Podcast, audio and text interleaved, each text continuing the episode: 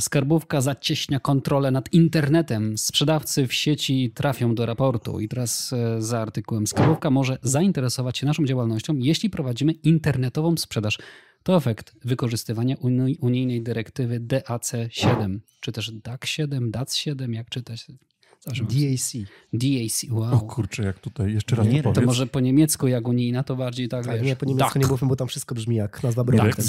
Sam wróć jeszcze raz mi na łóżko. Dobra, bez erotyzmu. Sosnowe łóżko?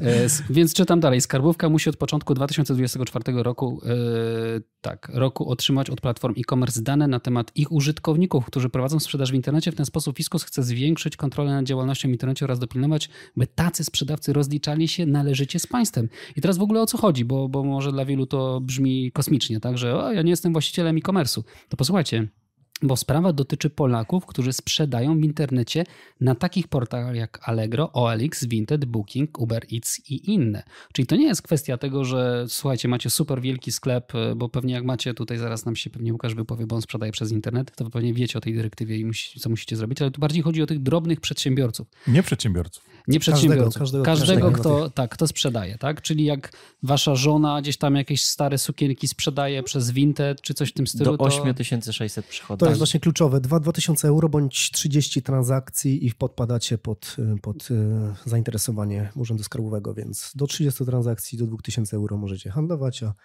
powyżej e, pewnie gdzieś tam spadniecie w, w tabelkę i, i, możecie się mm, dostać no Ale pytania. to dobrze czy niedobrze? Bo jako przedsiębiorcy chyba moglibyśmy powiedzieć, że no dobrze, żeby ktoś tam regulował, Trzeba bo, bo zobaczyć, nie robi się... do czego to dąży. A dąży to do tego, żeby wykluczyć pieniądz papierowy. Bo jeżeli Urząd Skarbowy będzie wiedział wszystko, co robimy, gdzie wydajemy, gdzie sprzedajemy, to on nie będzie potrzebował y, informacji odnośnie tego, y, czy my mamy gotówkę, czy płacimy kartą. Ale w jaki dobrze... sposób ty wiążesz za te zakupy internetowe z wykluczeniem gotówki? No to właśnie ci tłumaczę, że w momencie, kiedy Urząd Skarbowy będzie dokładnie wiedział, ile ty wydajesz pieniędzy, ile ty zarabiasz, za ile ty już, sprzedajesz. Już wie z zasady. Tak. Ma Ale na Elixie możesz kupić, zadzwonić do osoby i zapłacić jej gotową, bez, bez zakończenia transakcji. No, no jak jest koło ciebie, nie? No bo tak. jak inaczej. No, Ale tak ta, ta, informacja, gdzie te platformy jak Olix muszą się spowiadać, ile ty sprzedajesz na Olixie, już o tym y, muszą te informacje przekazywać do Urzędu Skarbowego. Czy nie widzę powiązania z gotówką, natomiast widzę powiązania z podatkami e, mhm. i tutaj no i, mamy dwie, tak, strony, dwie strony medalu. Pierwsze gotówki ma y, za zadanie zacieśnić y, właśnie system podatkowy. Znaczy tutaj, jeśli chodzi o wykluczenie wszystko. gotówki, to raczej bym był, znaczy bardziej na, na, to wpływ raczej ma kwestia ograniczenia kwot, które możesz dokonać płatności gotówką. To raczej bym upatrywał jako, jako próbę ograniczenia z którą się zgadzam, że ona występuje i też wolałbym, żeby ona nie występowała, czyli gotówka powinna zawsze być e, legalna, bo dlaczego nie mamy płacić tym, czym chcemy płacić. Mm, e, natomiast w, w, tym względzie tutaj dwie strony medalu. Pierwsza strona no to na pewno jest ograniczenie tej tak zwanej szarej strefy, jak ją różnie upatrujemy. I tutaj znowu, tak, jedni mogą powiedzieć, że co komu do tego, co on sprzedaje tam gdzieś na jakichś portalach, ale z drugiej strony wiem, że jest dosyć znacząca grupa ludzi, e, z przedsiębiorców nieuczciwych, którzy po prostu żerują na swojej konkurencji, sprzedając na takich portalach bez żadnych dokumentów potwierdzających tą sprzedaż. Da się to zrobić, no i wtedy uwaga, jesteście o podatek do przodu, tak? Więc tak naprawdę, jeśli czasami macie marżę, tak jak mówiliśmy tam w żabce, na poziomie 10%, to tutaj na dzień dobry możecie mieć 20 czy 30% do przodu marży na podatkach, więc wydaje mi się, że z tego punktu widzenia jest to rozsądne. Ta granica, wydaje mi się, która jest 2000, 2000 euro, wystarcza na to, żebyśmy właśnie sprzedali wszystkie swoje stare ubrania, zabawki po dzieciach i nie podpadli pod urząd skarbowy. Jeśli to nie będzie dalej postępowało do tego, że każda transakcja będzie będzie klasyfikowana e, i Urząd Skarbowy będzie pytał, czy odprowadziliśmy podatek ze sprzedanej lalki, e, to, to, to nie widzę tu jakiegoś specjalnego zagrożenia. E, no ale nasi rządzący się lubią rozpędzać. No, no wiesz, żeby się nie skończyło tak, jak że babcia pod sklepem kwiatki sprzedaje albo jajka Właśnie ze przywiozła to jest, czy coś. I... To jest to pytanie, czy, nie jesteśmy w tym momencie, czy w tym momencie nie jesteśmy tylko delikatnie podgrzewani, żeby potem być zgrillowani, więc uważajmy na to. Rozsądnie trzeba spojrzeć. W mojej ocenie do 30 transakcji 2000 euro jest rozsądne a jak będzie nierozsądne, no to też się na ten temat wypowiem. No na pewno trzeba zwrócić uwagę na to, że biznes idzie do przodu poprzez wykorzystanie nowych technologii, sztuczna inteligencja wchodzi w grę. Natomiast to też dotyka Urzędu Skarbowego i e, pozyskiwanie danych z rynku będzie służyć też do tego, żeby te nowe technologie wykorzystać i mieć benefity z ich wykorzystania, czyli większą kontrolę nad tym, jak te przepływy finansowe wyglądają. Więc e, ja się podpiszę pod tym, co, co Mirek jak najbardziej powiedział.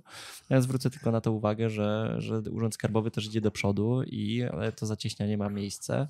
Być może to jest jakaś alternatywa do tego, żeby e, zwiększać e, opodatkowanie poprzez po prostu uszczelnianie. Znaczy wiesz, przede wszystkim to będzie tak, że sprzedawcy za chwilę będą raportować, tu Łukasz, popraw mi się, ale będą mm. raportować, kto w ogóle kupuje, Czy, więc będzie krosowe znaczy, sprawdzanie, ile tak, zarabiasz, a z drugiej żeby... strony na co wydajesz i co kupujesz, tak. więc wszystko o tobie ja, Ja wam wiedzieć. powiem, a propos tego, o czym mówisz, ja wystawiam faktury imienne, to znaczy, że u mnie nie ma anonimowych zakupów. Każdy zakup, każda transakcja, ja mam dane klienta, no bo przecież przez internet musi podać, u mnie jest związana z imieniem, nazwiskiem, adresem, czymkolwiek, więc ja jakby już jestem przygotowany na tego typu zagrywki Urzędu Skarbowego, bo nie ma nic gorszego, jak Urząd Skarbowy przyjdzie, zapyta, ty nie wiesz, yy, co powiedzieć. Ja mogę pokazać, powiedzieć palcem, a to skąd ktoś miał pieniądze, to już jakby nie jest moja brocha. Jakby mnie ktoś zapytał, mm, kto u mnie kupuje, ja dokładnie jestem w stanie pokazać konkretne osoby.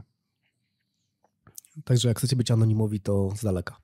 Nie, to jest polityka y, większych firm, bo my mamy to skopiowane od sklepów, nie, które działają dłużej, lepiej i mhm. przechodziły.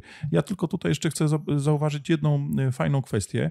Sporo osób dorabia sobie na handelku w internecie. To było fajne. Znam przypadki o dziewczyn, które na przykład kupują ciuchy w jakichś tam szmateksach, sprzedają na Vinted. Znam osoby, które kupują książki po całej Europie, szukają na różnych aukcjach, sprzedają drożej. Bo Dzieciaki mają... się uczą w ogóle kapitalizmu Oczywiście. też, sprzedając jakieś Problem zabawki. jest taki, taki, że mm, ja nie mam nic przeciwko takiemu drobnemu handelkowi, bo te pieniądze wrócą na rynek, nawet jeżeli są bez podatku. A z drugiej strony, czy to jest aż, aż takie duże przewinienie, żeby tego pilnować? Znaczy, I, I ostatnia rzecz, jeżeli Urząd Skarbowy rzeczywiście by wszystko wiedział na temat tych transakcji, to dlaczego wysyła listy behawioralne? Wiemy, że coś masz na sumieniu. Znaczy, Wiemy, że coś robisz, przyjdź i się wyspowiadaj. Słuchaj, oni jeszcze nie mają tego doprecyzowanego i wykorzystują tę możliwość uniknięcia kary poprzez dobrowolne mm, opodatkowanie się. Y, taki czynny żal w, formie pieniężnej, tak? Czyli wiesz, że masz coś za uszami, płacisz, zanim oni przyjdą na kontrolę, przez co unikasz konsekwencji. Jeśli chodzi o to, co powiedziałeś, ja się zgodzę, że absolutnie są takie rzeczy, dorabianie, uczenie się sprzedaży, jakieś drobne, drobne sprzedaże, tylko pytanie, w jaki sposób to odfiltrować od tych e, właśnie kwestii, gdzie ktoś robi sobie z tego biznes i robi nieuczciwą konkurencję swoim e, jakby firmom ze swojej branży. To rynek mojej ocenie, wymusza, mojej ocenie, nie, nie poczekaj, w mojej, w mojej ocenie za dużo bez działalności, nie, w mojej nie ocenie, za dużo. W mojej ocenie te 30, to, to które było tutaj, te 32 tysiące euro tutaj ten temat rozwiązuje. E, ogólnie rzecz biorąc jestem... 30, e, przepraszam, 2000 euro 2000. i 30 transakcji, czeski punt, przepraszam. Natomiast... A potem nas pojadą w komentarzach, wiesz. No tak, tak, tak, tak za, te, za te przejęzyczenia.